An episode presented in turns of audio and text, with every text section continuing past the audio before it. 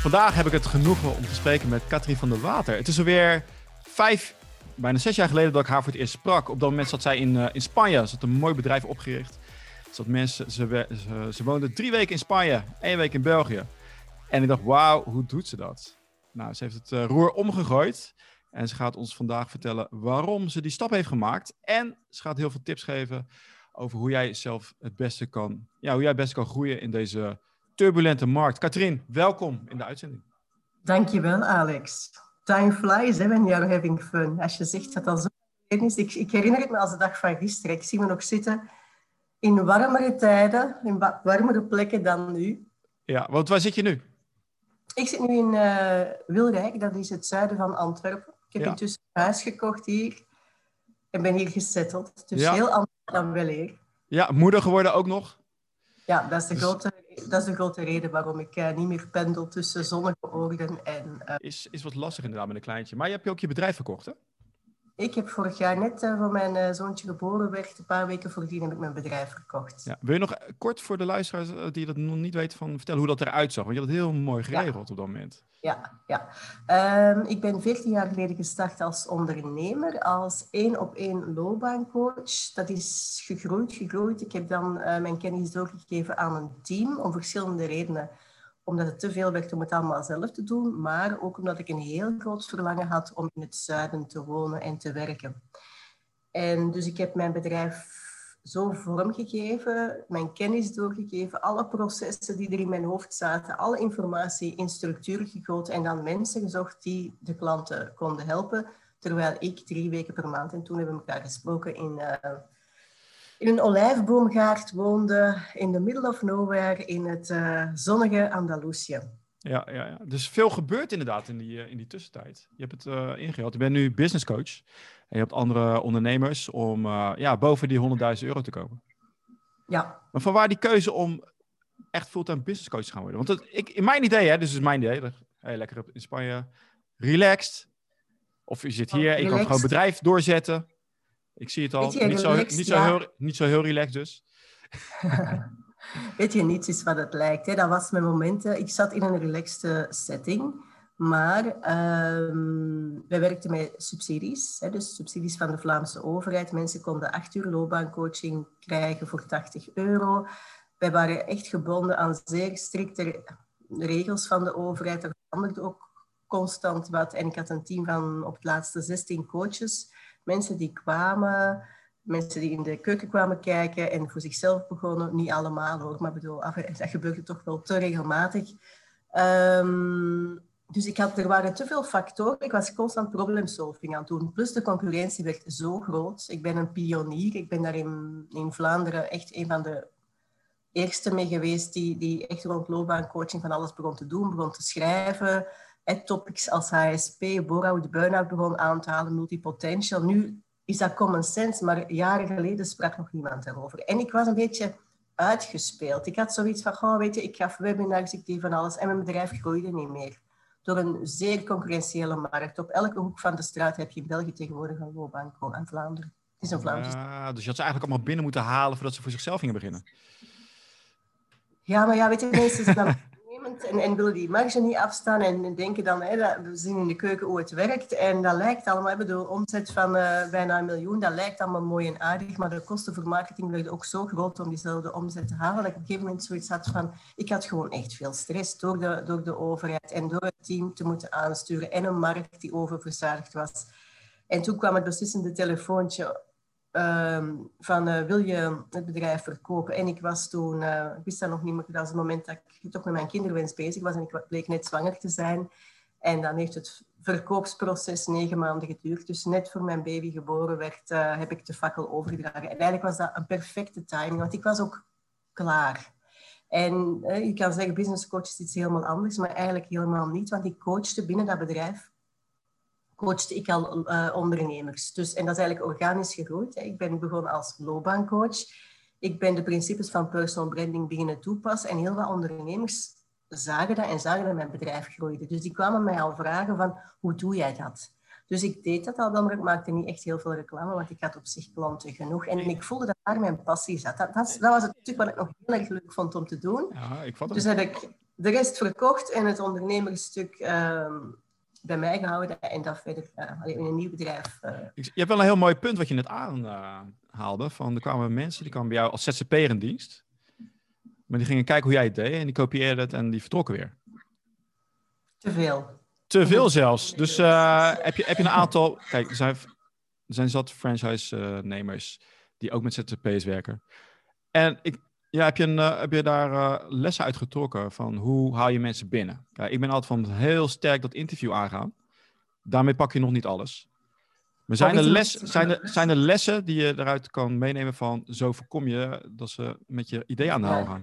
Ik vind dat heel moeilijk, want ik stimuleer hen in hun ondernemerschap. Hè. Ik, ik, stimuleer hen om naar buiten te komen. Ik gaf hen daar ook trainingen om de bedoeling, als ze naar buiten kwamen, zouden ze klanten krijgen. En ze werden ook beter en die mensen evolueren ook. Dus ik denk dat je dat niet kost wat kost moet tegenhouden. Want ik trok een bepaald type mensen aan die, ja, die wel iets of wat ondernemend in zich hadden. Want, want anders zouden ze niet kiezen voor het freelance bestaan. En ja, ze zien dan met van alles doen. En ze zien ook in de interne keuken hoe het werkt. Um, en zij evolueren ook. Op een gegeven moment hebben zij zoiets, ja, ik wil, ik wil meer. Dus... dus nu helemaal als business coach aan de gang. En je hebt een hele drukke agenda. Ik heb al een tijdje, een tijdje weer gevolgd. En je gaf ook aan van, uh, voor mij ook voornamelijk vrouwen wat je coacht op dit moment, toch? Klopt dat? Uh -huh. ja. ja. Die lopen tegen het plafond aan van die, uh, ja, in ieder geval uh, minimale omzet is 100.000 euro. Meerdere, of ja, hoge bedragen. En op een gegeven moment lopen die tegen het plafond aan en dan komen ze bij jou aan. En ik vraag me gewoon af van, wat, wat hel hoe help jij hen om naar die next level te gaan? Of misschien rust ervaren. Want natuurlijk, de next level hoeft niet altijd te zijn van dat miljoen gaf je zelf ook aan. Mm -hmm. ja. wat, zijn, wat zijn nou de grootste problemen waar je tegenaan loopt? Ja, misschien even zeggen wat dat plafond precies uh, is. Hè? Want mensen die daar nog niet zijn, die kunnen zich daar bijna niks bij voorstellen. Um, wat het probleem zou kunnen zijn hè, als die magische grens van 100.000 bereikt is. Um, die vrouwen zijn ambitieus en die voelen met het businessmodel dat ze nu hanteren, kunnen ze niet meer groeien. Dus het idee van meer klanten grijpt dan letterlijk naar de keel. En um, ik krijg soms mailtjes van vrouwen die zeggen, oh, ik wil, um, ja, als het zo verder gaat, dan val ik er letterlijk bij neer. dus ik wil mij niet doodwerken. Dat zijn echt woorden die zij gebruiken. Dus die vrouwen zijn heel ambitieus, werken heel hard, hebben zoiets van, oh, het moet anders en het moet beter. En dat zijn... Sorry, die komen bij jou en uh, hoe, uh, hoe ga je ermee aan de slag? Benieuwd hoe zo'n proces ja. gaat bij jou. Ik ga, ik ga echt heel goed kijken naar waar verlangen zij naar. Hè? Wat is hun gewenste lifestyle? Um, hebben zij kinderen? Willen ze meer tijd met de kinderen? Willen ze in het buitenland werken? Waar worden ze blij van? Dus dat is echt aan de hand van een, uh, een, een zelfanalyse met kaartjes van waarden en, en talenten van wat is voor hen belangrijk? Wat kunnen ze goed en doen ze graag? Wat zouden ze graag ontwikkelen? En we gaan dan op en hoe willen ze leven? En op basis van die antwoorden gaan we kijken van welk businessmodel past dan beter bij hen. En het zou kunnen dat we kiezen voor een horizontaal businessmodel, dat die inderdaad gaan werken met een team. En dat dat voor hen echt, als ze houden van leiding geven en uh, mensen aansturen en mensen selecteren en mensen motiveren, zou dat kunnen dat het interessant is om, om hun kennis door te geven aan een team en dan op termijn dat bedrijf te verkopen. Dat zou een piste kunnen zijn. Ja, ik vind het wel leuk. Met jouw bedrijf, heb jij toen ook al nagedacht over of het te verkopen was? Want heel veel ondernemers, eh, eenmaal ja. zaken. Maar als, de, als, de, als de, de eigenaar weg is, is ja. het bedrijf niks meer waard. Ik had erover nagedacht. Omdat ik, ik ben iemand die pioniert. Uh, ik weet dat ik hou van nieuwe dingen. Ik ben high sensation seeker, dus ik heb regelmatig nieuwe prikkels nodig. Daarom dat ik zo, zo, zo, Katrien. Had ik niet verwacht bij jou. Ja. High sensation seeker, oké. Okay. Ja, dus ik kon, ik, kon dat, ik kon dat wel een stuk uh, ondervangen door regelmatig in mooie buitenlandse oorden te wonen. Maar binnen mijn bedrijf wist ik, ooit gaat er een moment komen dat ik het niet meer leuk vind. En ik wil dat niet vastzitten in mijn eigen bedrijf, maar ik wil het kunnen verkopen. Dus daar was over nagedacht, al jaren vooraf dat zo opgezet, ook fiscaal, dat dat eigenlijk een hele... Ik had verschillende bedrijven, maar de activiteit die ik verkocht heb, zat in een mooie aparte vennootschap en ik kon dat heel makkelijk overdragen. En alle structuren waren neergeschreven. Dat maakt ook dat je een overdracht hebt kunnen doen van drie weken. Volgens mij is dat iets voor het Guinness Book of Records. Ja. Want meestal vragen ze de eigenaar nog vijf jaar of nog drie jaar blijft, met alle horrorverhalen van dien die daarover horen. Want ik coach-ondernemers die een bedrijf verkocht hebben en die drie of vijf jaar nog moeten uitdoen en die tellen de dagen af. En dat wilde ik dus niet. Dus dat is even gezegd het ding van het horizontaal uh, businessmodel. Maar het kan ook zijn dat ze ervoor kiezen om, een, om verticaal te groeien. En dan gaan, dan gaan ze niet met een heel team werken die de klanten gaan bedienen, maar dan gaan ze hun prijzen verhogen. Wat zijn, nou, wat zijn nou de grote voordelen van uh, om je bedrijf verkoopbaar te maken? Want ik denk dat er heel veel oortjes nu gaan spitsen van wacht eens even, ik kan heel mijn bedrijf verkopen. En het is vaak voor een, uh, ja, een multiple van de omzet voor de komende jaren, waar het voor kan verkopen. Dus je gaf al aan van het zit in een bedrijfsstructuur, maar dat is natuurlijk het tipje van de ijsberg. Want het gaat erom dat je structuren, processen hebt ingericht, waardoor jij niet meer nodig bent in je bedrijf. Ja, ik had dat proces eerder al gedaan, niet zozeer om te verkopen in eerste instantie, maar wel om mijn bedrijf te kunnen runnen vanuit het buitenland. Dus ik, ja.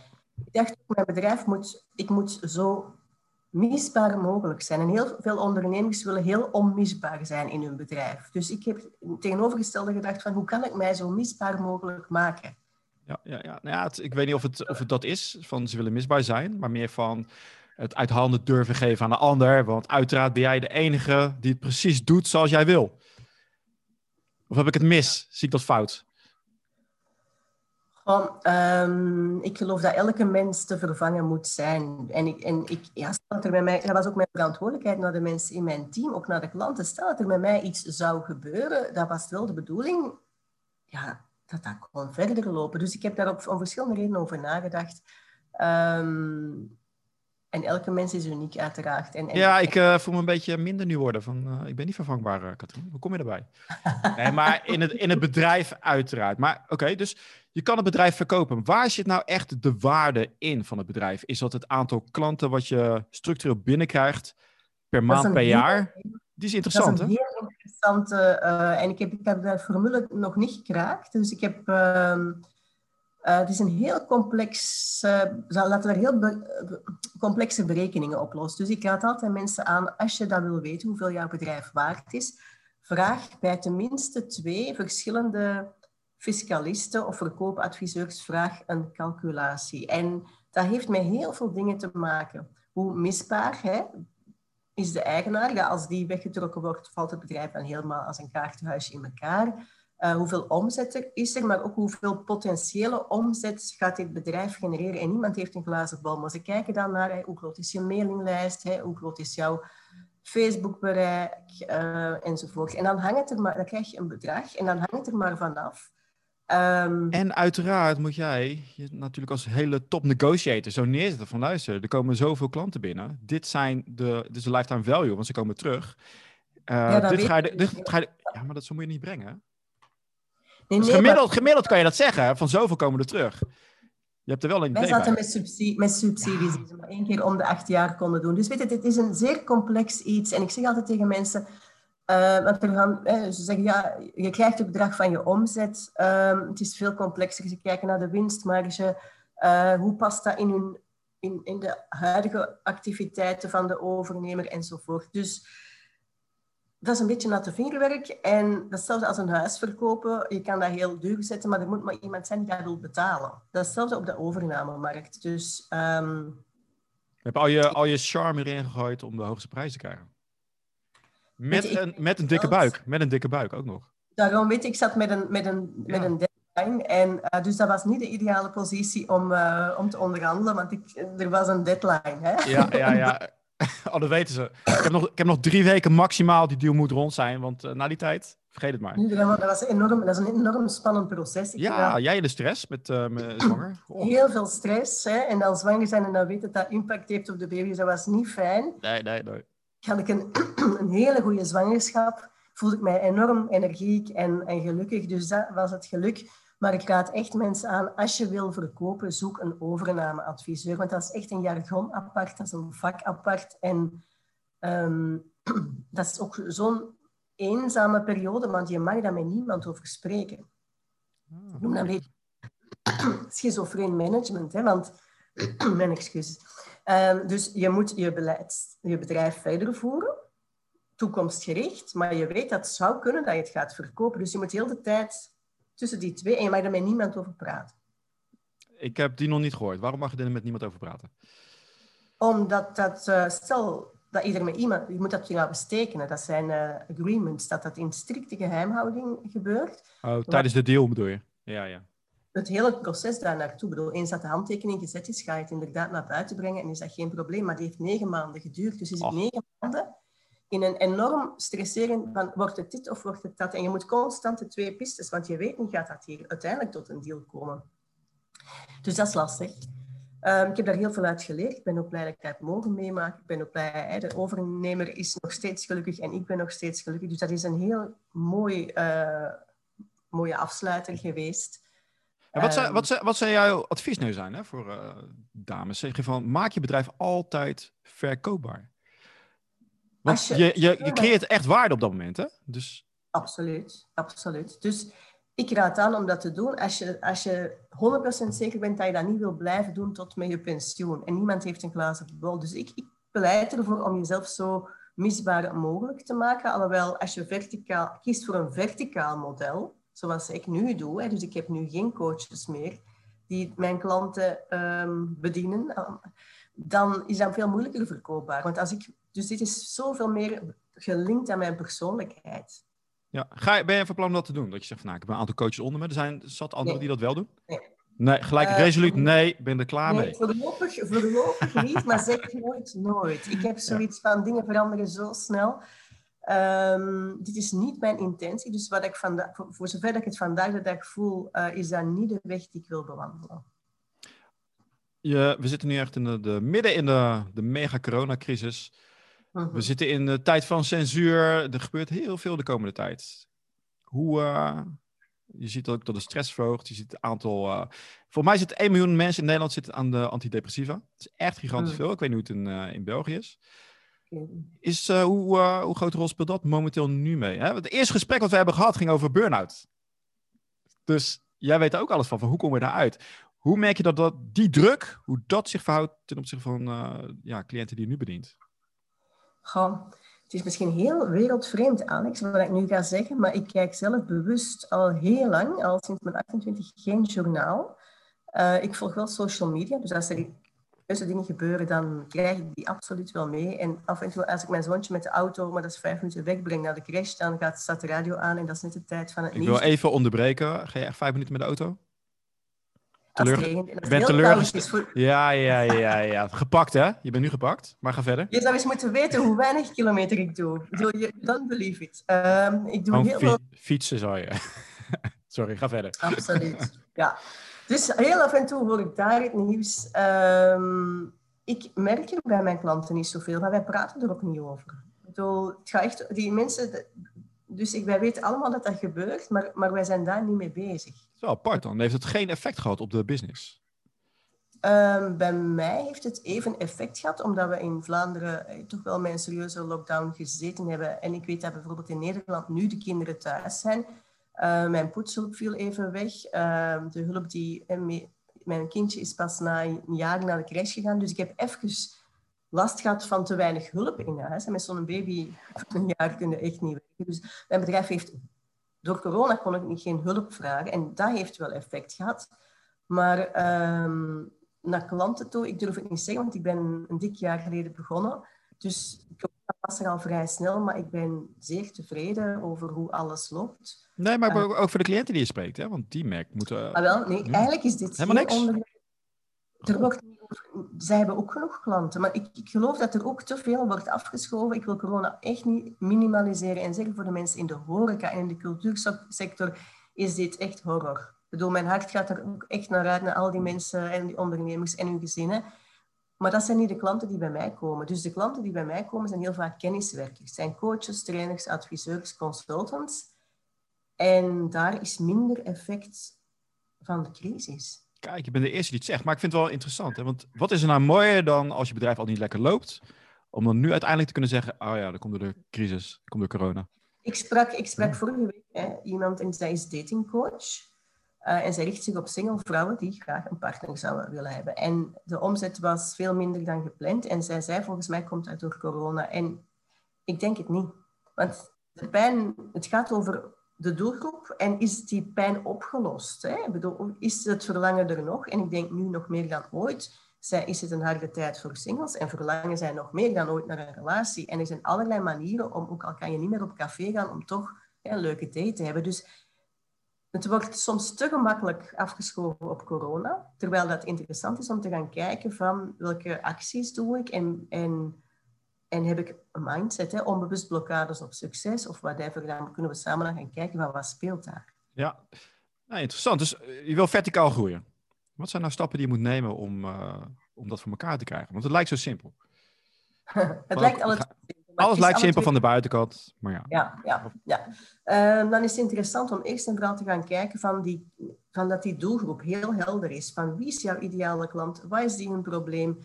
Wat is jouw toegevoegde waarde met jouw bedrijf? En dat je daar een bepaalde expertise in hebt en dat je die liefst in een model gaat weergeven. Um, zodanig dat je mensen kan gaan selecteren om in jouw team te komen en die kan gaan opleiden, want jij bent wel eindverantwoordelijke. Maar is dat niet al wat je doet op weg naar die uh, ton, laat ik maar zo zeggen? Um, het is wel interessant om, jou, om die oefening van wie is mijn ideale klant, wat is een probleem en mijn toegevoegde waarde, is altijd is gewoon basic. Is zo of je nu horizontaal of verticaal wil groeien, of je nu start of 100.000 hebt of een miljoen. Ik zie dat, dat daar zit heel veel. Dat moet kristalhelder zijn. En ik zie te veel mensen die te veel verschillende doelgroepen hebben en daardoor eigenlijk vijf bedrijven runnen en, en niet succesvol zijn. En ze werken zich te pletter. Dus het is less is more. En kiezen voelt aan als verliezen. Maar het is ook zo belangrijk om een niche te nemen en daar jou en, en, een transformatie bij die mensen teweeg te brengen tussen het probleem en het verlangen. En die kennis die je hebt, van die in een model te gieten en, dan kan, dan kan je ook passief inkomen krijgen en auteursvergoeding krijgen in Vlaanderen, wat toch nog super... Licenties, ja, inderdaad. Nou, weet je wat het vaak ook is, hè? Van, uh, oh, ik moet een doelgroep kiezen, maar het is niet voor altijd. Het is tijdelijk nu, weet je, we hebben een expertise. Daarna kan je weer breed gaan, daarna kan je weer small gaan. Je kan weer een andere kant op gaan, maar... Absoluut, maar het is echt wel belangrijk. Ik zeg, gisteren nog een mevrouw, ze, ze mailde mij, ja, ik, ik, ik heb een omzet van 30.000 euro, ik heb al zoveel coaches gehad. Uh, maar ze had twee totaal verschillende doelgroepen, maar echt extremer kan je het niet hebben, maar die staan wel op één site. En ik zie haar heel weinig posten. Ik ga dan kijken hè, op Instagram. Ik zie haar heel weinig posten. Maar ik snap ook waarom. Want je bent heel de tijd ruis aan het sturen. Ofwel praat je tegen de ene doelgroep en voelt de andere zich totaal niet begrepen en omgekeerd. Dus mensen maken zichzelf veel te moeilijk. Zijn er nog... Uh, want ik wil natuurlijk uh, meer, meer weten van jou. Van, je hebt die doelgroep gekozen. En nu, hoe ga ik... Uh, heb je nog een aantal leuke tips van zo knal ik die markt in? Misschien aan de hand van een voorbeeld van een cliënt. Je hoeft geen namen te noemen. Misschien nog heel even, Alex, die doelgroep kiezen. Ik zeg dat nu zo, maar dat is een, echt een spannend proces. Ik heb uh, in september mijn doelgroep aangepast. Hè. Tot september was mijn doelgroep uh, ondernemers. Ik help ambitieuze ondernemers. Dat was het. En dus dat is heel breed. Dat waren soms starters of soms mensen die net hun bedrijf verkocht hadden. Dat waren mannen of vrouwen, leeftijd half de 20 tot uh, eh, 55. Heel breed. En dan ben ik gaan kijken van waar is nu mijn toegevoegde waarde het grootste en welke klant geeft mij het meeste energie. En dan kwam ik daar zo achter dat ik het liefst werk, of de meeste mensen die bij mij kwamen aankloppen waren ook vrouwen. Terwijl ik ook heel graag met mannen werk en die komen nog steeds, ja, gelukkig maar in de vitrine staat onderneemsters. En dan voelde ik van mensen die al een bedrijf hebben, daar kan ik, ben ik de meest, meest van toegevoegde waarde. Dus, en dan heb ik dat aangepast naar, ik help ambitieuze ondernemers met een omzet van minstens 100.000 euro. Dat lijkt... Tussen haakjes, 90.000 euro, ook welkom. Ja, voilà. maar je moet even een lijn trekken, je moet even een lijn trekken. Daarom. Maar hoe spannend, ik zeg dat nu zo, maar dat zijn slapeloze nacht aan vooraf gegaan. En ik weet dat ik het communiceerde en dat ik echt dacht nadien van, oh my god, wat heb ik nu gedaan? Waarom nou? Waarom nou? Al die stress. Je hebt het al eerder gedaan. Dit is wel interessant, hè? Want we spraken ik uh, al eerder van jij. Een van je adviezen in 2015 was ook van kies die niche nou. Tuurlijk. En toch, hè, het is altijd als je het zelf moet doen, is voor jezelf veel lastiger. En aan de andere kant zo vertellen. Het hangt, dus die kwam van een bedrijf. Mee, mee, het vorige bedrijf was gericht op op mensen begeleiden naar hun droombaan of droombedrijf. Hè. Dus eigenlijk had ik al een niche gekozen om de ondernemers daaruit te kiezen. Maar binnen elke niche kan je nog, ja. nog dieper gaan. En dat is een proces. En hetzelfde met prijsverhogingen. Ik denk, uh, elke prijsverhoging heb ik gedacht van, oei, nu gaat er niemand niet meer komen. En het, Het bizarre was, Alex, en ik ga daar heel eerlijk over zijn, ik heb die niche verfijnd en dan zaten we in midden, echt wel in volle coronacrisis, maar heeft het daarmee te maken of niet? Maar het was toch wel even te akelig stil aan de... Ik ben gewoon van dat er heel veel aanvragen binnenkomen en toen bleef het even stil.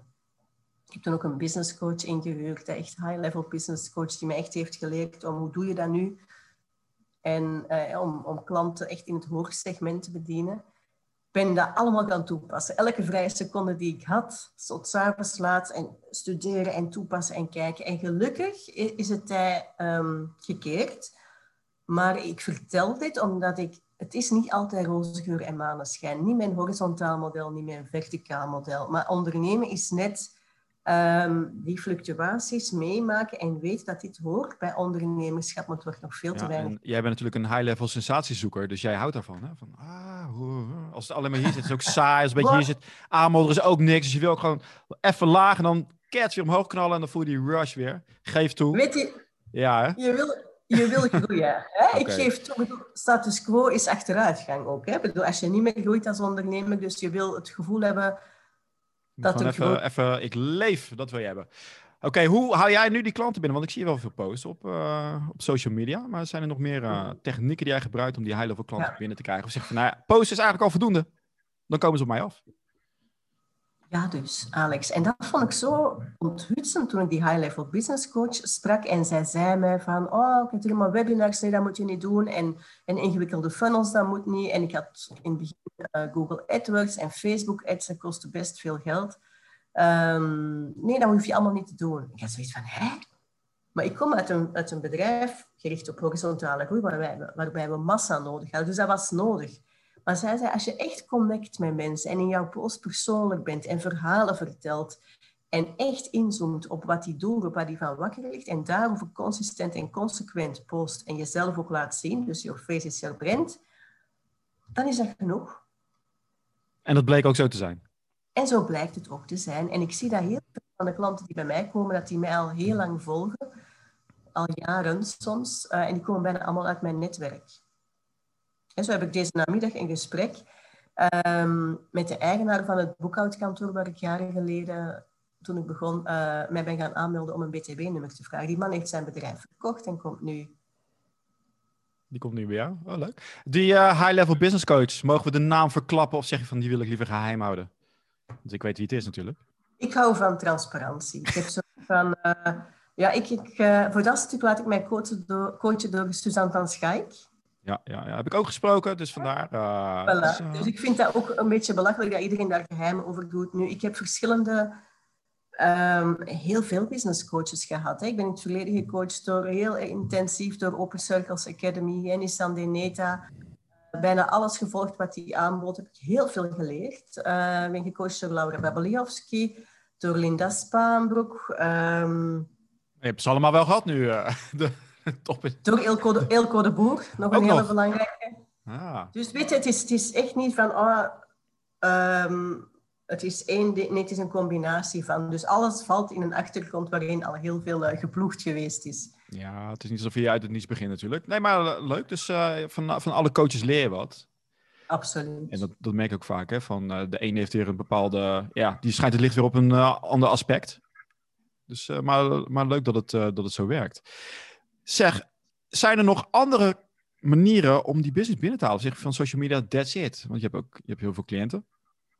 Zijn er nog interessante ik heb Ik misschien even zeggen, ik heb er niet heel veel. Ik, ik, ik werk bewust, nee, high level wil ook zeggen dat je er niet heel veel nodig hebt. Heel concreet. Uh, ik start normaal gezien twee klanten per maand op. Nu, januari is iets meer, omdat december een maand was dat mijn zoontje heel veel ziek was en dat kerstvakantie was. Dus ik heb even een inhaalbeweging en daardoor is mijn agenda nu wel redelijk vol, maar normale maanden start ik met twee nieuwe klanten op. Ja, ik weet niet hoeveel werk je erin steekt, dus ik, uh, het kan zijn dat het veel is. Maar heb jij nog andere manieren waarvan je zegt van nou, zo, zo komen ze echt aan hun, uh, hun klant? Want dit is altijd een ding, hè? Van hoe kom je aan cliënten? Je hebt social media posts, iedere keer je eigen uh, praat tegen je ideale klant.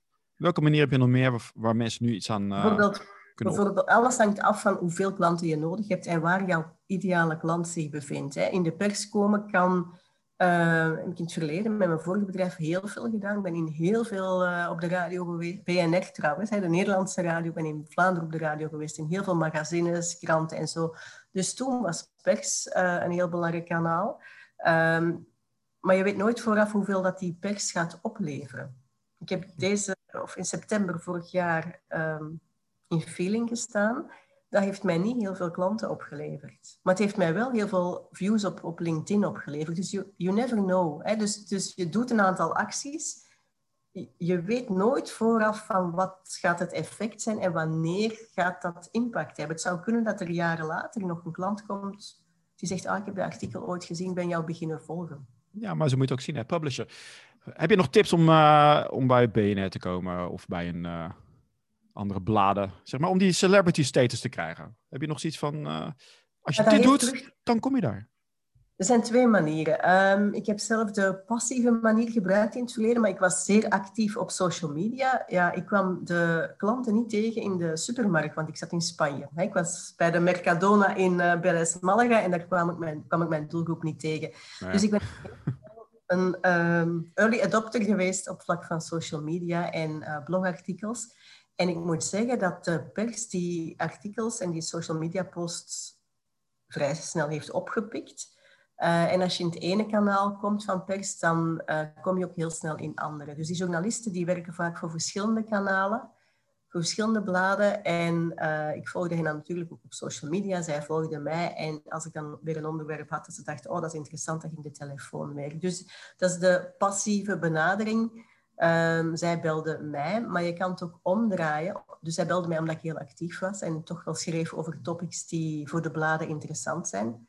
Want mensen bekijken dat niet zo, maar die journalisten moeten ook maar elke week of elke maand die magazines vol krijgen. Dat is niet zo simpel. En, en wij als ondernemers hebben een bepaalde expertise die mogelijk interessant kan zijn voor een doelgroep. En zo bleek ook. Hè. Een andere manier is dat je naar een krantenwinkel gaat. Um, ik weet niet of die nog open zijn in Nederland, maar bij de supermarkt in ieder geval, waar daar veel kranten en magazines liggen. En dat je gaat kijken van welk magazine zou interessant kunnen zijn voor mijn doelgroep. En je doet dat magazine open. En op de eerste bladzijde zie je de naam van de hoofdredacteur staan met een mailadres. En je zou je artikel, een, een, een, uh, een blogartikel, zou je daar naartoe kunnen sturen. Ja, ik vind het wel mooi, hè? want eh, help, help al die arme journalisten die constant weer nieuwe artikelen moeten, moeten schrijven. Mega veel concurrentie. Volg ze inderdaad op social media. In mijn geval ook met BNR, die belde mij. Ja, ze stuurde een mailtje. Ik dacht, hé, hey, hoe komt dat? Omdat ze inderdaad oppikken als jij wat produceert. Dus ik zou zeggen, maak daar altijd gebruik van. En uh, ja, weet je dat ook is? Als jij inderdaad mailt, je hebt in je hoofd van iedereen doet dat, maar dat is dus niet zo. De meeste mensen willen zichzelf, die durven dat niet eens. Of die denken van, wie, wie ben ik dan wel? Dus die mailen niet eens. En maak je mailtje een beetje leuk uiteraard. Als je dat doet. En volg ze op social media. Ja dan. Ja, dat vond ik leuk. Ik, ben help, ik help de journalisten ook. Juist. Ik zeg ook tegen hen van, uh, van als je, als je hè, cases nodig hebt. Ik zeg altijd, ik heb een heel groot netwerk. Ik bedoel, mijn netwerk staat mee ter beschikking van jou. Dus dat is een, een kwestie van, zij helpen mij en ik help hen. Dus als zij bijvoorbeeld zeggen, oh, ken je iemand die op 65 nog... Uh, volop in het ondernemerschap staat, we willen daar een verhaal over, ja, dan doe ik telefoon naar een van mijn klanten ja. en uh, geef ik dat met plezier door. Dus dat is een kwestie van geven en nemen en ook daar weer de relaties onderhouden en de connectie. Ja, ja tegenwoordig heel makkelijk met het social media, want je komt vanzelf uh, voorbij en af en toe eventjes wat van je laten horen. Maar als je het zo bekijkt, in, in plaats van ik zit me op te dringen, in plaats van nee, ik help die journalist om een artikel te schrijven.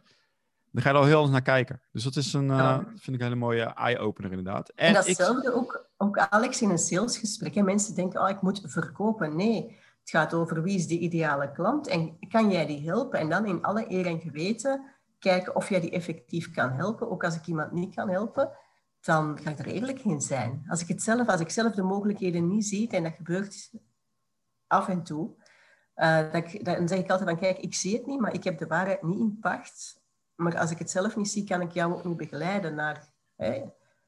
En bij de ideale klant ook, hoort ook van, is dit een uh, persoon waar ik mee wil werken, die uh, gewoon relaxed is. Weet je, ik heb, heb, je, heb je het wel dat je dan mensen in de lijn hebt en die zijn, die, die stellen op bepaalde vragen dat je weet van, jij gaat het probleem opleveren.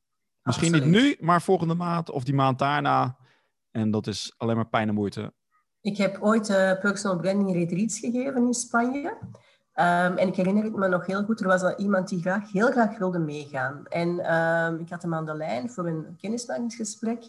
Het ging niet zozeer over, het ging over personal branding, maar hij begon zo door te vragen over het eten en over...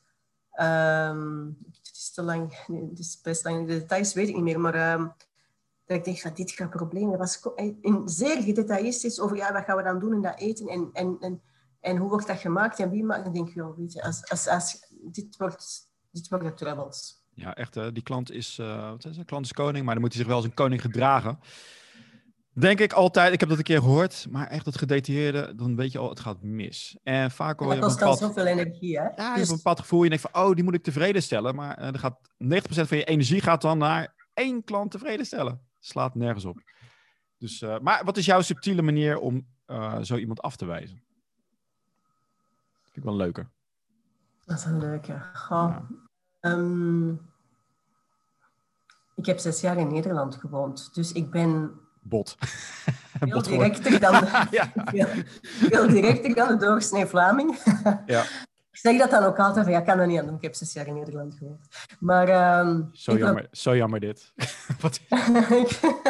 ik probeer altijd wel eerlijk te zijn en ik ga altijd kijken wie in mijn netwerk kan die persoon wel helpen als ik de persoon niet kan helpen. Ja, hoe geef je dat dan aan? Van, ja, want die denkt ook van ja, maar ik, ik wil bij jou. En dan zeg je van ja, dat lukt niet. En dan zeg je, zeg, maar waarom dan? En dan kom jij met, wat, hoe geef jij dat aan? Um, ja, dat van die, van die retreat, ja, bedoel, hij kon ook bij ons het programma volgen zonder eten, maar dat was dan niet in Spanje, in België. bedoel, uiteindelijk is die geen klant geworden. Maar overlaatst uh, was er een mevrouw met een schoonheidssalon, um, pedicure, manicure, al die dingen, en zij wilde gaan opschalen. En ik ken die dingen allemaal wel als klant zijn, en nu is allemaal even gesloten, maar bedoel, normaal gezien ga ik daar ook langs. Um, maar ik zag het gewoon niet, hoe dat je in die branche op een gemakkelijke manier. Ja, bedoel, je kan heel veel winkels gaan openen, maar dan ga je, je gaat heel veel kosten hebben. En ik, ik, stond, ik stond daar te ver af. Maar ik ken toevallig een business coach die zich echt richt op die niche. Dus ik heb haar gezegd van, kijk, ik, ik werk vooral met kenniswerkers. En kennis is toch iets anders dan effectief in de materie. Hè, nagels moeten... Daar zijn veel meer kosten aan verbonden. Dus ik heb haar gezegd van, kijk, mijn expertise zit niet helemaal in jouw domein, maar ik ken een business coach die jou... Um, ja, dus het leuke is dus dat je met afwijzing denk, denken mensen van, ah, je moet negatief zijn. Maar dat is het niet zo. Van echt positief, ah, leuk, ik heb gehoord wat je zegt, perfect. Dit klinkt echt heel erg goed. Alleen ik denk dat deze persoon of iemand anders jou veel beter kan helpen. Dus je hoeft niet eens af te wijzen van nee. Weet je, die andere persoon is blij. En als je een goede deal maakt met een, uh, ja, met een, uh, met een collega, dan kan je daar ook nog een gedeelte van pakken van de omzet.